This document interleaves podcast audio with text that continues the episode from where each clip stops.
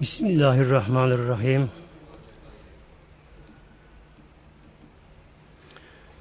İnşallah muhtemelen konumuz Allah'tan ümit kesmeme meselesi.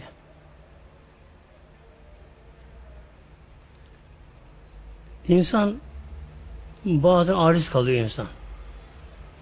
Aslında her zaman insan aciz. Fakat insan bazen aczinin farkına varıyor. Kul anda aciz olduğunu biliyor bazen. İşte o zaman kulun Allah rahmetinden ümidini kesmemesi gerekiyor burada. Fakat tabi asıl mesele bu ayet-i kerimenin sebebin üzülü bir insan ne kadar günahkar da olsa af edilmem diye inancı olmayacak. Hatta İslam ehli sünnet şeriatına göre, hükmüne göre, ahkamına göre Allah korusun bir insan Allah'tan ümidini keserse billah dinden çıkıyor muhtemelen. Bakınız. Yani bir kişi ben çok günahkarım. Allah beni affetmez diye inansa, ve inancı olsa o kişi Allah korusun dinden çıkıyor, imanı gidiyor kişi Allah korusun. Yine bir kişi kendine güvense yani Allah beni azap etmez diye güvense o da imanın çıkmasına sebep olabiliyor böylece. İkisinin ortası olacak kişi de böyle. Ortası olacak kişi de hem insan korkacak hem kişi korkacak Allah azap ederse diye korkacak hem de ümidi olacak. Yani insan kendini tam orta görecek. Bir tarafında cennet var, karşısında cehennem var. İnsan da bunun tam ortasında. Böyle yaşama gerekiyor. Uhud Harbi'nde Hazreti Hamza şehit eden Vahşi diye biri. Kendisi aslı Habeşli fakat köy olarak satılmış Mekke'ye getirilmiş Mekke'de köleydi. Sır kölelikten kurtulmak için Hazreti Hamza'yı öldürmeye karar verdi. E, Tabi Hazreti Hamza kılıç savaşında yani bir numaralı kişiydi. Öndeydi. Bunu göze alamadı. Bunun üzerine iki ucu keskin sivri bir hançer aldı. Bununla saklana saklana Hasan Hamza'nın devamlı peşini takip etti. Tam kendine göre fırsatını buldu. Arkadan bu hançeri attı. Hamza arkasından vurdu. Ve koştu ondan sonra düşünüyor Hasan Hamza. Göğsünü yardı. Bağırsaklarını dışarı çıkardı. Yani gerçekten e, çok büyük büyük cinayet işledi orada. Sonra bu cinayetine karşı olarak kölelikten kurtuldu. Çok daha e, ödül aldı. Para, pul, böyle muazzam mücevher de aldı. Hem kölelikten kurtuldu, hem mal sahibi oldu. Ama bir şeyi kaybetti, huzurunu kaybetti. Huzur bulamadı. Köleyken daha huzurluydu köleyken. Köleyken kurtuldu güya, mal da oldu, hür oldu.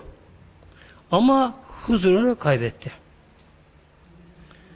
Uhud Harbi'nde Peygamber Aleyhisselam Hazretleri bazı kişilere peygamber lanet etti peygamber Uhud Harbi'nde.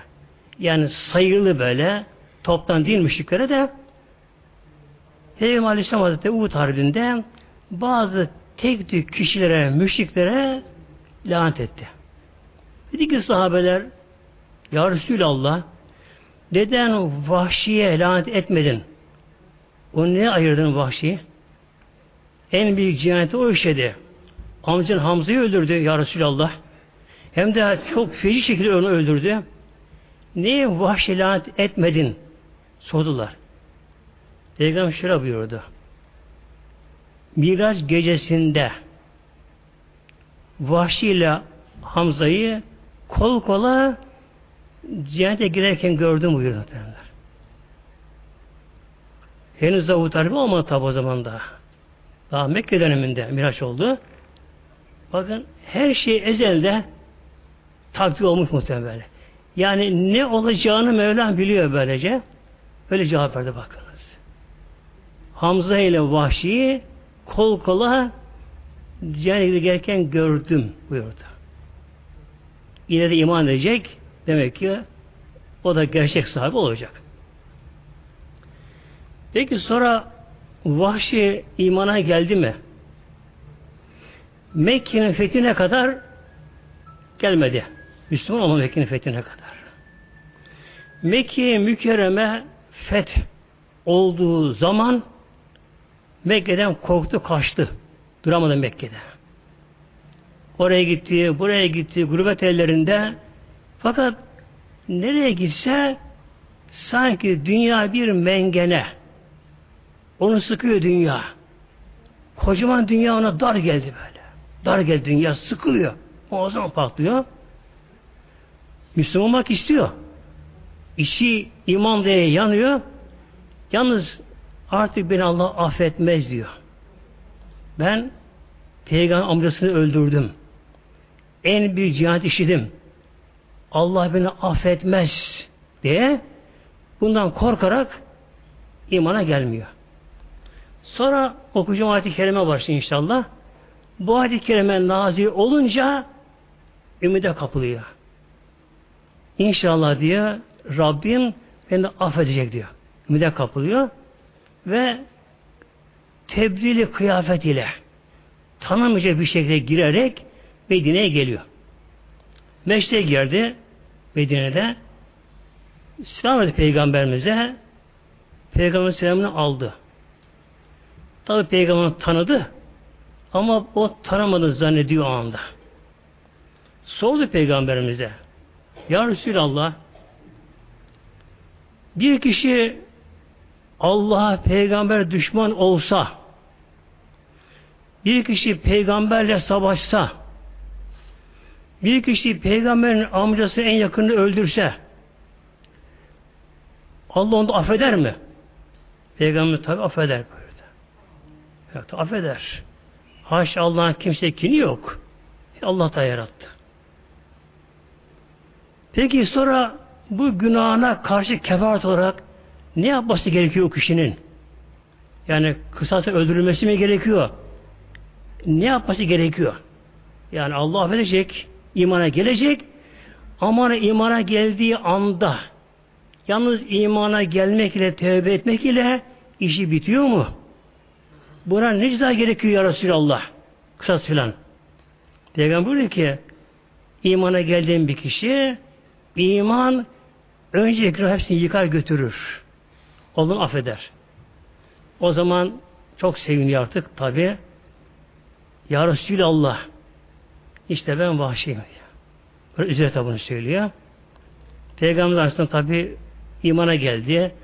Oradaki kelimeleri getirdi. Elhamdülillah gerçek Müslüman oldu. Bir de bunun ötesinde ona Rabbim imtihan olarak bir şey verdi Rabbim. imtihan olarak. İçinde aşk-ı Resul denen hal böyle. Aşk-ı Resul. Bir muhabbet, sevgi vardır. Bir de ötesinde aşk vardır. Sevgi gene normaldir. İnsan çok sever, hoşuna gider, yanına ayrılmak istemez. Fakat aşk yakar kalbi. O kişinin benzi sararır, kanı sararır, hatta kararır bile. Ve ateştir. Aşk. İşte vahşinin kalbine peygamber aşkı geldi. Aşk-ı Resul. O hali geldi. Peygamberimizi görmeden duramıyor. Sürekli meşritte hep peygamberimiz etrafında imtihan tabi bu ya. Peygamber dedi ki vahşiye bir gün vahşiye sen Medine'den durma. Sen buradan peygamber işareti parmağıyla o tarafa git. Yemameyi gösterir. O tarafa git. Tabi emir Resulullah'tan içi yana yana böyle. Yani ette kemiğin birbirine ayrılması gibi Resulullah'tan böyle içi yana yana yana ayrıldık Yemame'ye gitti. Ta hikmeti sonra meydana çıktı. İşte Yemame Savaşı'nda yalnız peygamber çıkmış ortaya. Müslimeti Kezzab diye kafir çok da etrafını tarafta toplamış. Büyük savaş oldu Hazreti Bekir'in zamanında. O zaman Vahşi Hamza Hamza'yı öldürdüğü aynı hançer ile aynı usulü takip ederek yalnız peygamber öldürdü. Onu öldürdü. Elhamdülillah bir anda savaşta kazanılmış oldu.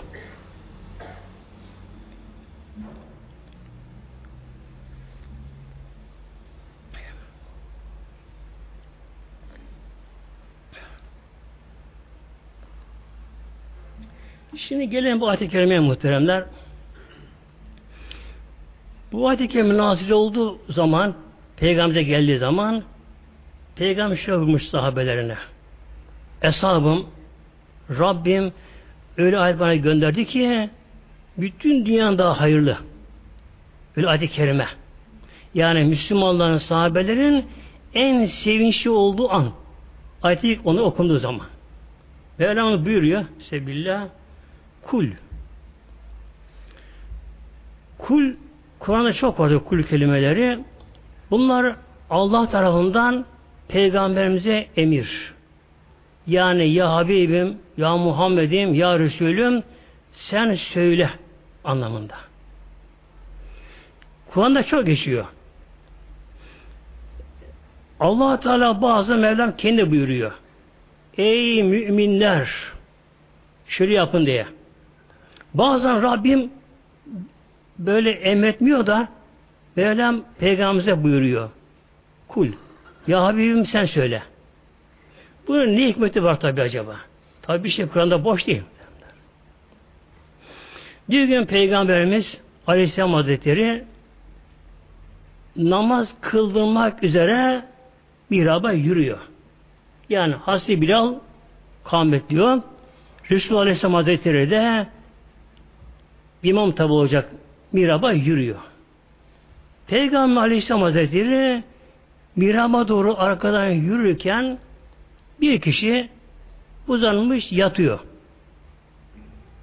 Uyuyor. Peygamber onu gördü. Yattığını gördü. Peygamber yanından geçti. Ona peygamber şey demedi. Az ileride hastayla oturuyordu. Hastaya gitti dedi ki ya Ali Bak arkada bir kişi var. Uyuyor. Onu uyandır, kaldır, namazı kılsın. Hasta gitti, yok şey tabi kaldı, uyandırdı. O da koştu, gerekeni yaptı, namazı kıldı. Yalnız Hazreti Salih bu işe biraz şaşırdı. Teaccüp dönüyor bana. Acayibine gitti. Geldi peygamberimize Ya Resulallah her türlü hayırlarda sen en öndesin ya Resulallah. Bu kişi yatarken gördün sen ya Resulallah. Uyuduğunu gördün. Yanından geçtin. Sen bunu uyaran, kendini uyandırmadın da niye beni gönderdin ya Resulallah? Acı hikmeti ne bunun? Bakın cevap şu peygamberden. Dedi ki Ya Ali, Ya Ali o gün şu anda uyuyordu. Eğer ben onu uyandırsaydım, kalk namazı uyandırsaydım, belki uyku sersemliği ile benim farkına, farkına varmadan bana ters cevap verebilirdi. Beni tersleyebilirdi. Bir peygamberi terslemek, hakaret varan söz söylemek küfürdür. Dine çıkabilirdi. O anda evet gördüm uyuduğunu uyandırmak istedim. Fakat o kişi uykusu ağırdı biraz. Zaten kâmet duymadı. Uykusu ağırdı.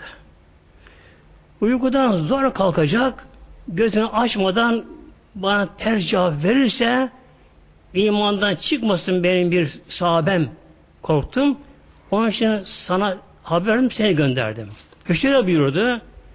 Ya Ali eğer sana ters cevap verseydi bir şey gerekmez. Arkadaşsınız. Hepiniz sahabesiniz. Bir şey gerekmez. Ama Allah Resulullah'a hakaret küfre gider. Buyurdu. Şimdi Kur'an-ı Kerim'de Rabbimiz de yani Kur'an-ı Kerim çok tatlı bir şey tabii. Hatta çok tatlı az geliyor da Yani Allah kelamı Celle tabi. Yani maddi, manevi, ruhsa her açıdan Kur'an-ı Kerim her şeyi tatmin eden bir Allah kelamı. Mevlam bakın bazen böyle buyuruyor. Kul. Habibim sen söyle. O zaman direkt bir bunda bir başka kural geliyor bunda şimdi. Ya ibadiyellezine esrefu ala enfüsihim. Aklına Mevlam buyuruyor. Kul. Habib Muhammed'im söyle. Ya ey uyarı. Ey nefislerine israfta ileri gidenler. İsraf aşırı, aşırı. Yani günahta her türlü günahlarda en çirkin günah işleyenler, haddi aşanlar, o kullarıma söyle. Hayır burada Mevlam gene kulum buyurdu ama.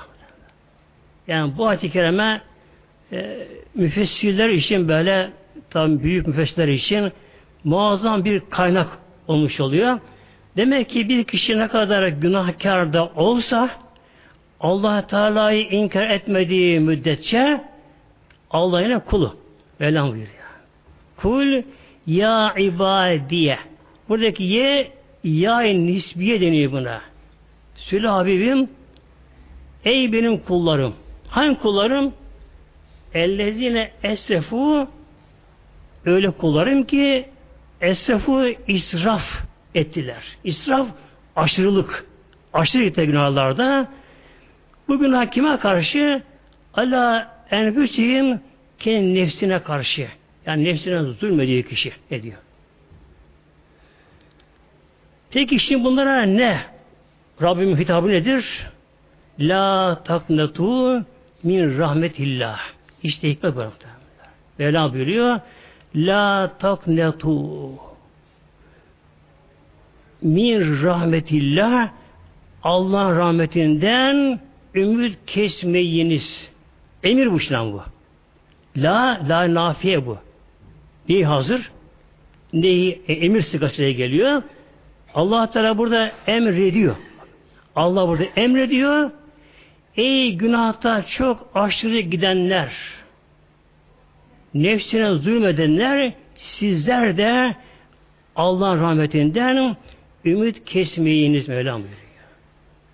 İşte bu ayet-i geldiği zaman o zaman vahşi bir bağırmış.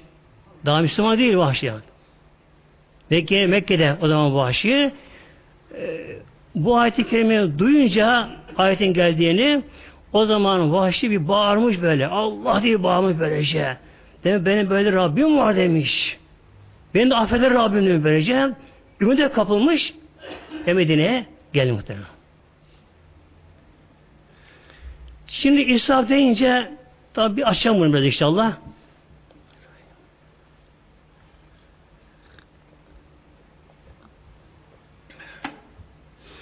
İsraf muhteremler her şeyde haram oluyor. İsraf. Bazı da mekruha da girebiliyor. Mesela bir insan ömrünü boş harcarsa, ömrünü israf. En büyük kayıp bu işte böyle. Ömrü israf. Şimdi bir kişinin diyelim bir torba altını var. Yani demir maden olarak örnek verelim. Bir kişinin kaldıramayacağı kadar sırtını taşıyamayacağı kadar çuvalda, torbada altını var. Bu kişi bu altınlarını, torbasını sırtına yüklenmiş giderken buna biri haber verse, bağırsa bak çuval delinmiş altınlar dökülüyor diye bu kişi ne yapar diyorlar alimler? Çıldırır eyvah! Altınların düşüyor böyle. Hemen geri döner araştırır onları. Ama diyorlar insanın ömrü de belirli yani nasıl altınların sayısı belirli ise insan ömrü o da belirli ama ya. Aslında her nefes bir altından çok ama çok daha değerli nefes. Çünkü her şey her şey bu dünya ömrüne bağlı muhtemelen bakınız. Yani biraz düşünelim şey Allah için düşünelim böylece. Bütün geleceğimiz, ebediyetimiz dünyadaki ömrümüze, nefeslerimize, vaktimize bağlı. Burada ne kazanabilirsek, ne kazanabilirsek öbür alemde kabirde, mahşerde, sırata, cennette onları bulacağız inşallah. Kesin bu. İşin biz ne yapıyoruz Allah korusun? Sırf vakit öldürmek için e, zaman geçirmek için bomboş sözler yani günah bile olmasa günah girecek bir söz bir iş yapmasak bile ama vakti öldürmek altından değerli nefeslerimizi tüketmek boşu boş nedir? İsraf. İsraf muhteremler. Çünkü geçen günler geçti. Ne kaldı, ne kadar kaldı geriye bilemiyoruz. Uzun Mevlam bunu göz bildirmiyor. Ne kaldı bilemiyoruz böylece.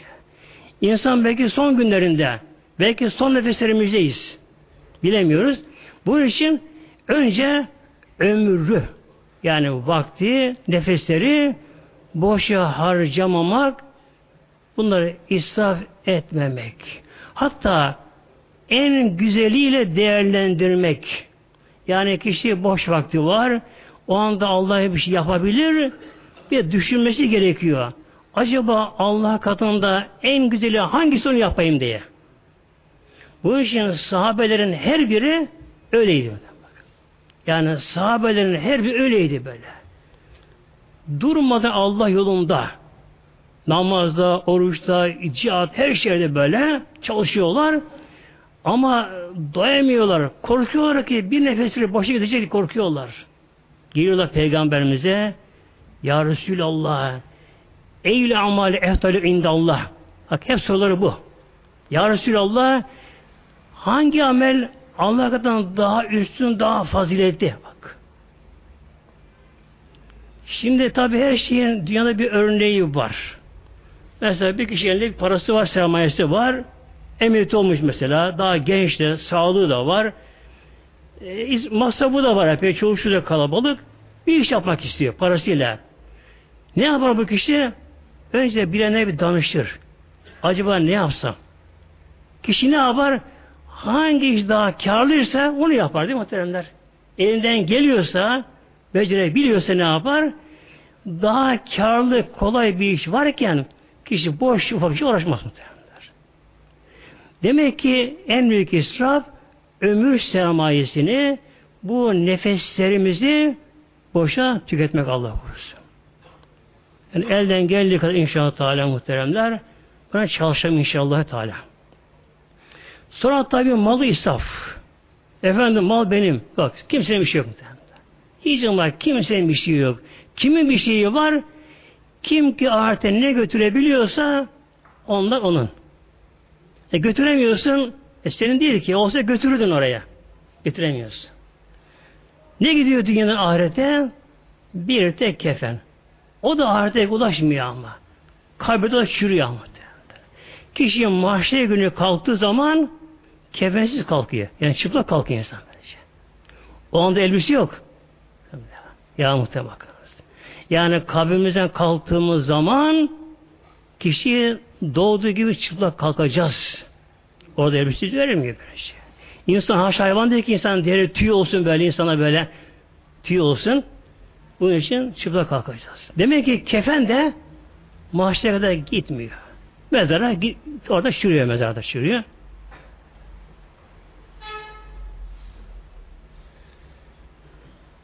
Sonra muhteremler tabi Allah korusun günahlara dalmak. E günah işlemek yani gerçekten şöyle insan bir düşünse çok korkunç bir şey günah işlemek. Bir gün Medine dışından bir Arabi yani çöl yaşayan bir kişi Medine'ye geliyor. İman ediyor Peygamber Aleyhisselatü'ne tabi Peygamberimizi gördüğü için hemen o anda sahabe makamında çıkıyor kendisi. Yani o imandaki mertebeyi eriyor. Artık ayrılıp gidecek, evine gidecek. Meşten çıkacak. Peygamber sordu. Dedi ki Ya Resulallah ben dedi cahiliye döneminde İslam'dan önce işte çok günah işledim ya Resulallah. Tabi peygambersi dönem. Fetret dönemi deniyor. Cahili dönemi. Yani kimse helalanı bilmiyor. Ya Resulallah ben çok günah işledim. Ne olacak günahlarım şimdi? Şimdi adı cemaatimiz müminler müminler günahlarını yani günah yaptığı eski günahlarını müminler o günah küçük bile olsa olsa onu dağ gibi görürler. Peygamberimizin buyurması hadis-i şerif yapmadı. Bakın dikkat buyurun. Demek ki gerçek müminler uyanabilen müminler ama Allah'a yönelen ahirete imanlara yakın makamına gelen müminler. Bu müminler bunlar kendilerinin nefislerini muhasebe edince eski günahları akıllarına gelince günahların her birini bir dağ gibi görürler. Resulullah böyle buyuruyor. O kişi de sanki böyle dağın altında dağını eziyor. Yani kemikleri çatır çatır çatır diyor kemikleri. Öyle görür buyuruyor. Günahından korkar, onun yükünü kaldıramaz. Münafıklara gelince onların da günahı ne kadar büyük de olsa yaptığı günahı onunla günahlarını yüzüne konan bir sinek gibi görürler. Sinek gibi görürler. Küçük sinek böyle. Yani işte böyle üfledi mi ya da elini yaptı mı o kovarım. Yani bir estağfurullah derim afolu veririm. Öyle görürler. İşte Allah korusun eğer bir kişi günahlarının böyle dehşetinden korkmazsa insan günahını küçük görürse münafık alamet. Allah korusun böyle şey. İşte bu tabi Medine'ye gelen bu Arabi'de iman etti elhamdülillah. Tabi gerçek ihlaslı sahabe oldu. Ama o anda bir murakabeye böyle yani o kişinin geçmişi onun gözüne geldi. Allah inandı işte böyle. İmanı yakına geldi ve soruyor. Ya Resulallah ben çok günah işlemiştim cahile döneminde. Ne olacak onlar? Korktu. Ne olacak onlar ya Resulallah? Peygamber buyuruyor ki korkma, üzülme. E, sen elhamdülillah iman ettin, Müslüman oldun. Allah onları affedecek inşallah. Peki ya Resulallah. Birkaç adım gitti, durdu geri döndü. Ya Resulallah ben o günahları işlerken Allah beni görüyordu değil mi? Tabi görüyordu. İşte bir durdu, düşündü, tefekküre daldı ki Allah onu görüyor, Allah onu biliyor, Allah huzurunda günahlar işleyebilmiş. Böylece. Bir Allah korkusu geldi, utanma Allah'tan geldi, bir hal geldi, cezbe geldi kendisine, bir de başka bir Allah dedi. Allah dedim, düştü ve ruh çıktı muhtemelen. Ruh, ruh bedene sığmadı böyle. Ruh bedenden fırladı böylece. Tabi eceli gelmiş oluyor. Bakın muhteremler yani günahları düşürünce günahları küçük görmemek gerekiyor. Onları her birini bir dağ gibi görmek gerekiyor. Kişinin altına kalmışız, gün altına kalmışız. Kemiklerimiz çatırlıyor. Öyle gelmek gerekiyor. Mevlamız buyuruyor şimdi elhamdülillah sebillah innallâhe Allah Teala Rabbim kesinlikle yağfiru zünube cemi'a Allah Teala günah affeder. Yağfiru affeder, bağışlar. Ez zünube Zünub zembin çoğulu günahlar anlamına geliyor. Allah Teala günahlar affeder, bağışlar. Hepsini mi acaba? Cemia. Arkadan bak, tekiden geliyor. Evet, hepsini. Hepsini affeder. Yalnız muhteremler tabi Allah'ın koyduğu yine bazı şartlar var. Değil mi muhteremler? Allah'ın koyduğu şartlar var yine. Rabbim mesela Allah Teala hasta şifa verecek Rabbim. Ama yine Rabbim şart koşmuş. İşte havaya soğuyacak, su içecek veya şu bitkilerini yiyecek, şunu yapacak. Allah'ın böyle şartlar. Şimdi günah Allah affediyor ama ama şartlar da var tabi. Nedir bunlar? Bazı günahlar içten gelen samimi tevbe ile af oluyor. Yani kişi günahına pişman olur, nadim olur, üzülür böyle. Üzülür. E, gençliğinde yapmışım diye yani boş verse, umursamasa hatta şimdi yaşlanın da günah terk etti. Yapamıyor. Yapamıyorum diye üzülen de olursa o tevbe değil muhtemelen. Mutlaka kul ne yapacak? Yaptığı günahını hatırlayınca o günahtan dolayı Allah'tan korkacak. Üzülecek böyle. Allah tevbe ispat edecek böylece. İşte günahın bazısı böyle tevbeyle af oluyor. Bazı günahlar bazı günahlar ise yalnız tevbe ile af olmuyor muhteremler. Üzerinde namaz borcu var. Ezanlar okumuş, hiç namaza gelmemiş böyle. Namazı kılmamış. Bu efendim estağfurullah, estağfurullah bin defa çektim. Namazı affet ya Rabbi. Af olmuyor. Neyi af oluyor? Namayı, namazı kazaya bırakma suçu af oluyor. Çünkü namazı vakte kılmak farzdır. Bir kişi bir farz namazının vaktini geciktirirse yani vakit çıkarsa haram işlemiş oluyor bak. Haram işlemiş oluyor. Yani bir kişi mesela öğle namazı ezan okudu. Kılmadı.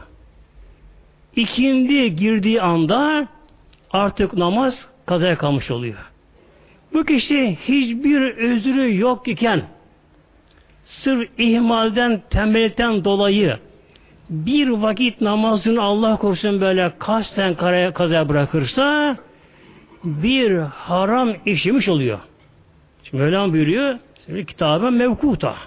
Kitap namaz yazılmış vakitlenmiştir. Sonra o kişi namazını kılacak tabi kılacak ama namaz af olmuyor yine. Bir de tevbe edecek. Bak tevbe edecek bir de. İşte namazı kazaya bırakma günahı tevbeyle af oluyor.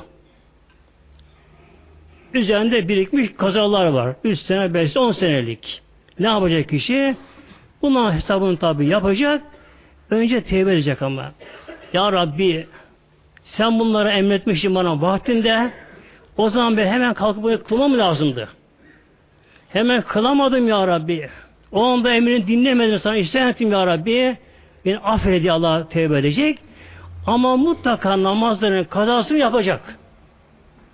Demek ki namazını kazasını yapmayınca yalnız tevbe ile o günahlar af olmuyor.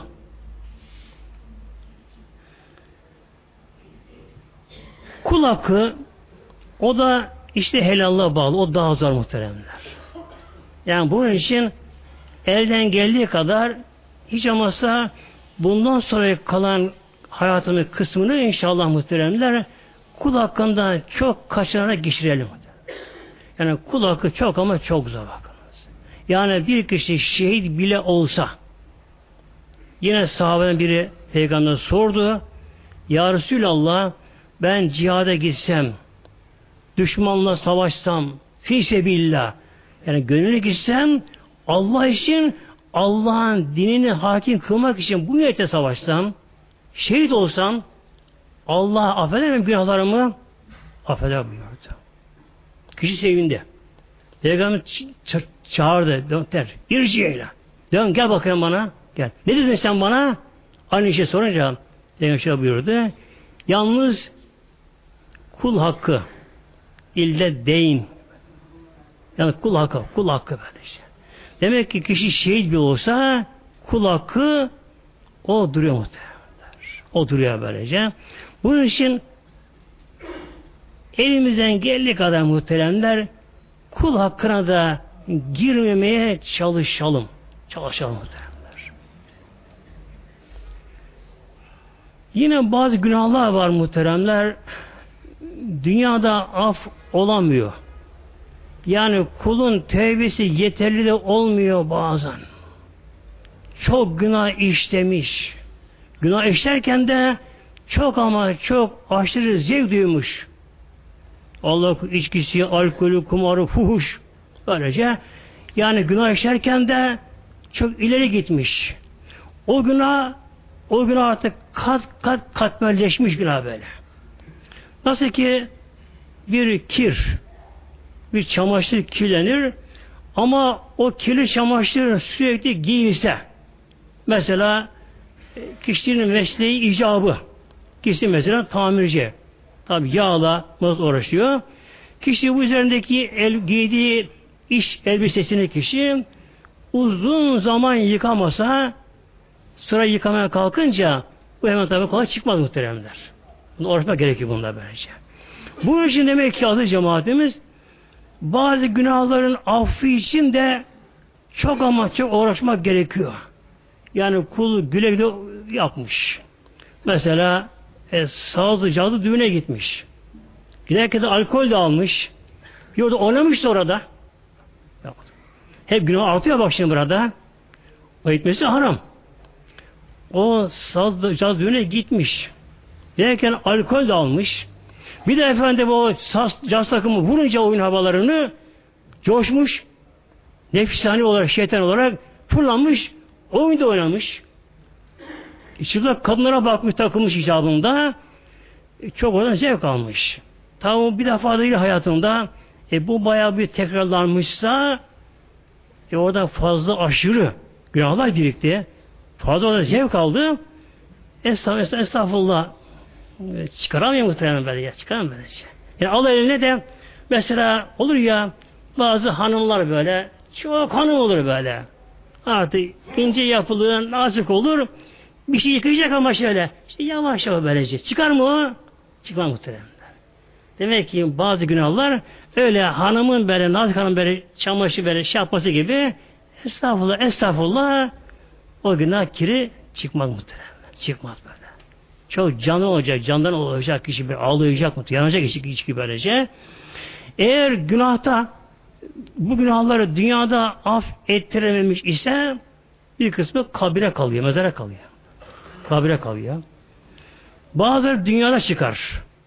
Hastalıklar, musibet, imtihanlar gelir. Hep bunlar günahına kefaret.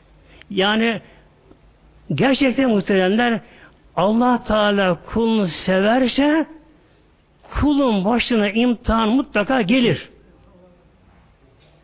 Şöyle buyuruyor ulemalar muhteremler eğer diyorlar Firavun'un bir defa başı ağırsaydı ben Rabbinetim diyemezdi diyor muhteremler.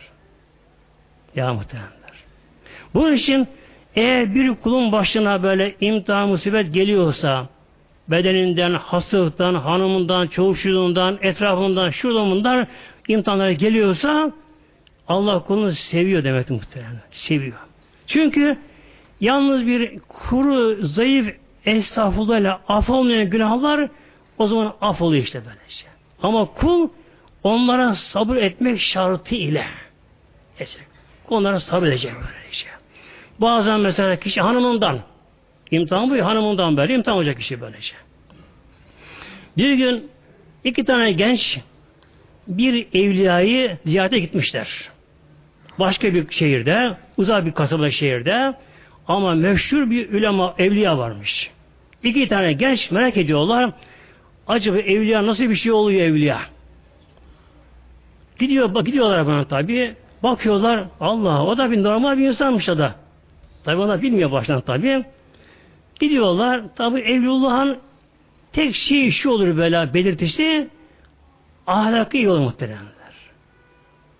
Evliyadan mutlaka iyi ahlak şarttır evliyada böyle.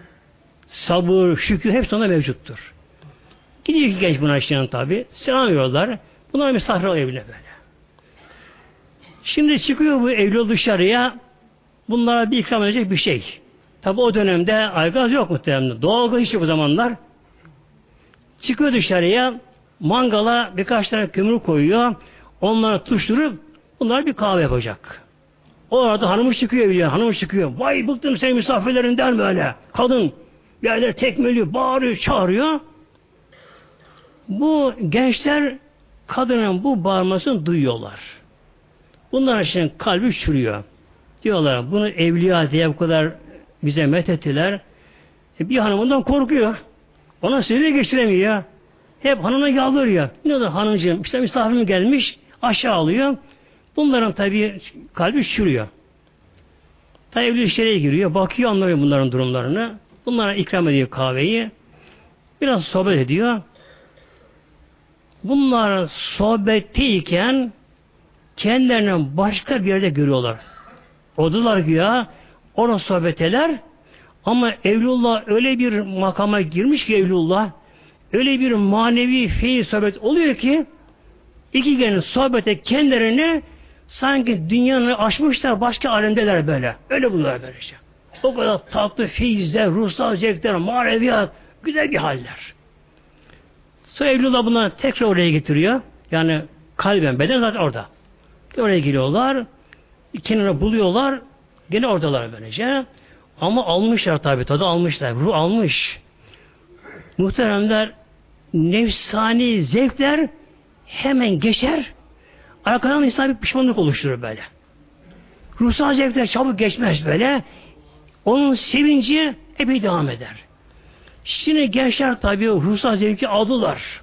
O kadar feyizli halleri böyle, tatlı halleri ayrılıyorlar şimdi gidecekler. Aklına yolda geliyor. Diyorlar biz diyorlar böyle kalbimize bozduk. Acaba bu ne de hanımından korkuyor acaba? Niye onu dövüp sövmüyor hanımını? İşte geliyorlar tekrar bunu sormaya. Efendim diyorlar, kusura bakma ama diyorlar. İçimizde bir düğüm kaldı. Ne oluyor bize açıklar mısın bunu? Ne oldu? Sen bu kadar makam mevki sahibisin. Böyle yüksek keramet sahibisin. Niye hanımından korkuyorsun? Şöyle böyle gülünç yavrum. Ben hanıma sabrettiğim için o makam buldum diyor. İşte adı cemaatimiz Allah sevdiğine verir muhteremler. İnsan hanımından gelir, kadına korasından gelir, oğlundan gelir, aksi bir oğlu olur, hayırsız evladı olabilir, komşan çekebilir. Bunlara hemen kızmamak gerekiyor. Biraz bunlara sineye çekme gerekiyor. Sabretme gerekiyor bunlara böylece. İşte nedir bunlar? Hep bunlar kişinin günahlarının af edilmesini Allah'ın verdiği rahmetler bunlar aslında. Kul bazen kalkar da hacca gider mesela. Ömreye gider. Hatim indirir böyle. Uzun uzun namazları kılar ama öyle zaman gelir ki kişi bir dakikalık sabır aldığı sevabı orada bulamaz. Yani sabrın sevabı Mevlam buyuruyor bir gayri hesap aklı terimler. Gayri hesap böyle. Sabır sevabı hesaba sığmıyor. Ne anlama geliyor bu? Hesapsız. Bakın incelik var bunda. Allah kana böyle buyuruyor. Bir gayri hesap Mevlam buyuruyor. Hesapsız sevap var sabrın karşısında. Ne anlama geliyor bu? Yani kul mahşerde hesap baştan dikildi. Mizana dikildi. Sevabı konuyor, günah da konuyor. Bunlar belli şeyler. Milletin yazdığı şeyler bunlar. Onların yazamadıkları da var böyle. Sabır var ya sabır. Yazamıyor onlara bu şekilde böylece. Yazamıyor böylece. Allah Teala kulunu sevmiş. Yani kul ihlası, samimi. Allah için bir şey yapmak istiyor. Ama bazen beceremiyor, beceremiyor. Ama o yolda çırpınıyor kul.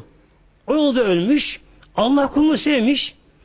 Şimdi mizanda sevap 90. Şimdi sıra geldi o sabır sevaplarına. Ve o yüce Allah mertebinde değil mi? Yüce Allah Teala. Ve Mevlam buyuruyor ki sabrın sevabını hesapsız vereceğim Mevlam buyuruyor. Buyuracak ki Mevlam mizanda Mevlam buyuracak ki mizanda tamam kulum şu sabrından al sana şu kadar sevap. Bin lira katrilyonlar. Sana bu kadar sevap, sana bu kadar sevap. Açtı gitti muhteremler. Adı cemaatimiz yani sabır etme durumuna gelmek yani imtihan tabi olmak nedir? Allah'ın verdiği güzel bir haldir muhteremler. Bunun için buraya Peygamber Aleyhisselam Hazretleri en şiddetli belalar peygamberler bakın. alel enbiya peygamberlere. En şiddetli belalar. Peygamber. Evliya bırakıp peygamber değil mi? Allah'ın Resulü mucize sahibi böylece. Öyle peygamberler gelir böyle en adi bir kafir gelir de hakaret eder, taş atar, tekme atar, bir şey yapabilir böylece. Peygamber'e beddua etmez sakın. Etmez böylece. Sabreder böylece. Sabreder muhteremler. En büyük bela alel enbiya sümel evliya sümemisi felemsel. En büyük bela peygamberlere, evliyalara herkes imana göre geliyor muhteremler. Ama bir kişi Allah korusun bu imtihanı kazanamasa kazanamasa sonra ne olacak? Bir gün Peygamber Aleyhisselam Hazretleri bir yere giderken hesabına beraber bir mezarlıkta Medine dışında bir mezarlıkta kadının birinin kız çocuğu ölmüş, genç kız çocuğu ölmüş, tabi anne, iç yanıyor tabi. Kadın gitmiş, kızın mezarına başlarına gitmiş ama okumuyor da bağırıp çağırıyor, işten de yani böyle. Vay Allah'ın için seni benden ayırdı, vay nasıl oldu, nasıl oldu, yani kabul edemiyor Allah hükmünü. İsten halinde Peygamberimiz dedi ki ona ya hanım bak Allah onu verdi Allah aldı. Evet o senin kızın idi ama Allah'ın da kuluydu ya. Esra Allah onu yarattı. Allah'a döndü. Sen buna sabret. O kadın peygamberimizin peygamber olduğunu bilmedi. Bilmedi. Neden? Peygamberimizin özel bir kıyafeti yok ki peygamberimizin muhteremler böyle. Peygamberimiz sıradan bir insan da böylece. Hatta Peygamberimiz hesabı bire giderken arkadan gider Peygamber muhteremler. Sahabeler bazen yaraşıyorlar, önden yürü. Hayır. Ben de bir insan mısın, beşer misin gibi. Bu kadın da Peygamberimizi tanıyamadı o anda derdinden beraber şöyle dedi Peygamberimize Allah bana versin sana versin de o zaman göreyim seni bakayım. Peygamberimize karşı. Bu yüzden Peygamberimize bir şey demiyor. Gülümsüze ayrıldım. Diğer sahabe gitti sahabeler de kadına bak sen ne yapıyorsun? Bu peygamber Resulullah bu. Kadın hemen korktu bu sefer. Hemen korktu. Arkasından koştu gitti peygamberimize. Ya Resulallah ben sabredeceğim. Peygamber şöyle buyurdu. Sabır sademi ula. İlk geldi andaki sabır sabır. Sonraki artık zorunlu katlanma. Ama sen ilk şeyi kaybettin. Tamam bundan sonra olmazsa günah girme. Sabır.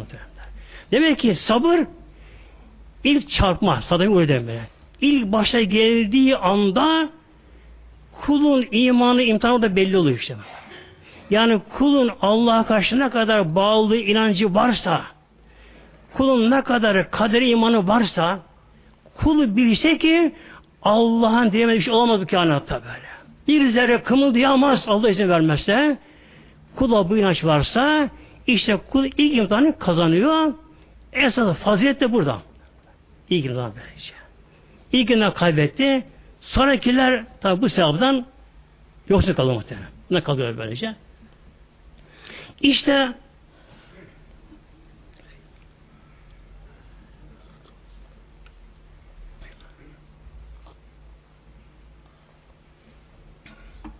Yine bir kişinin günahlı af dünyada. Af dünyada yani imtihanı böyle kazanamazsa ama imanı varsa bu defa kabir azabı ile o da Allah'ın rahmeti bakın muhteremler. Bakınız. Kabir azabı o da Allah'ın rahmeti. Kulun cehenneme girip yanmaması için Mevla kuluna azap veriyor kabrinde veriyor Mevla. Kabir azabı. Kabir azabı da ne oluyor? Kulun günahlarını silmesine vesile oluyor böyle. Ona vesile oluyor böyle işte. Tabi istemez kabir azabı. İstemez. Bu için ne gerekiyor işte? İnşallah dünyada afıma çalışmak gerekiyor böylece. Ama dünyada af olamamışsak o zaman kabir azabı yine rahmet böylece. Maaşlar cehenneme kalmasın diye muhteremler. Kalmasın diye. Kul tabi kabrine çektiği her saniyesiyle günahları affolunur, siliniyor, siliniyor, siliniyor. Gene bitmedi. Gene bitmedi. Ne olacak? Bu defa mahşerde o kızın güneş altında kul dikilecek. Tepeden güneş yakacak. Ayağından, tabandan yer yakacak böyle. Terleyecek ter böyle. Ama katan gibi böyle kapkara koyu bir ter böyle şey. Bedeninde böyle. Susuz. Dili sarkacak böyle. Ciğeri yanacak. Ağzı kuruyacak böyle. Orada uzun bir zaman kalma. O da günah affına vesile oluyor kalan günahların böylece. O da olmadı. Yine yetmedi. Günah çok. O da yetmedi. Ne kalıyor arkadan? Sırat köprüsü kalıyor. Günahtan arındırma en son sırat köprüsü muhteremler. Artık kul yine günahları çok işlemiş dünyada ama. O kısa ömrünü zavallı boşa harcamış bizim gibi yani. Boşa harcamış ömrünü. Unutmuş o günleri. Günah çok. Affolamadı yollarda. Ne kaldı mahşeden sonra? Sıra geliyor Sırat Köprüsü'ne. Sırat Köprüsü altı cehennem. Yani cehennem üzerine kuruluyor böyle. Cehennemin bir başından öbür başına kadar Sırat Köprüsü muhtemelen. Altı cehennem. Tabi cehennem ateşini saçıyor. infilak ediyor. O gayadan gelen sıcak buhar, yakıcı buharlar. O dumanlar böyle. Muazzam bir köprü aşıyor. Aşıyor. İşte Sırat Köprüsü'nden önce kim günahlara bitmişse onları koşup geçiyorlar. Böylece. Onlar koşup geçiyorlar köprüye böylece. Onları çekmiyorlar böylece. Mesela işte bir ateş alev yansa elimizi böyle çabuk geçirsek elimiz yanmaz böyle. Ama elimiz biraz yavaş durdu mu el yanar muhteremler. Bu sefer ne oluyor? İşte kimin günahı bitmemiş, günah çok, günah bitmemişse bu defa son günahlar Sırat Köprüsü'nde yanarak, yanarak, eriyerek kul tabi yürüyemiyor böyle. Halsiz, dermansız, dizini atamıyor, ayağını atamıyor, yürüyemiyor böyle kul. Ateş yakıyor, yakıyor, yakıyor kendisini. Ne kadar günah kalmışsa o kadar Sırat Köprüsü'nde. E, günah az kalmış Sırat Köprüsü'nde onlar bitti mi o da hafifçe gidecek muhtemelen. Kuş gibi olacak böyle. Ama günah çok çok çok uzun bir zaman hatta asırlarca orada kalacak muhtemelenler. Allah korusun orada da günah af olmayacak kadar çok. Yani günah yükü çok ama çok sırtında. Hiç yürüyemiyor sırat hiç yürüyemiyor. Ayağa kalkamıyor böylece. Ne olacak? O Allah korusun cehenneme düşecek muhteremler. Cehennemde nasıl dünyamızda yer çekimi varsa aynı şey cehennemde yer çekimi var cehennemde muhteremler. Yalnız bu çekim kuvveti nasıl muktatis bazı şeyi çekiyor, bazı çekimiyor muktatis muhteremler. İşte cehennemin yer çekimi de yalnız günahkarları çekecek. Yani kimin sırtında günah yükü varsa bu cehennemdeki çekim onları çekecek, işini alacak muhtemelen. İşini alacak. Tabi kul ne yapacak bu sefer? Düşecek cehenneme ama. Cehennem Allah korusun tabi. Ateş, alev, zaman içerisinde günahları bitince oradan çıkacak, cennete girecek. İşte muhteremler Allah kulunu affediyor ama demek ki öyle af de yalnız böyle kuru öyle önemsemiyor yapılan bir istiğfar da bu yeterli değil böylece. Yani dünyada bunu çok uğraşma gerekiyor. Lillahi Teala Fatiha.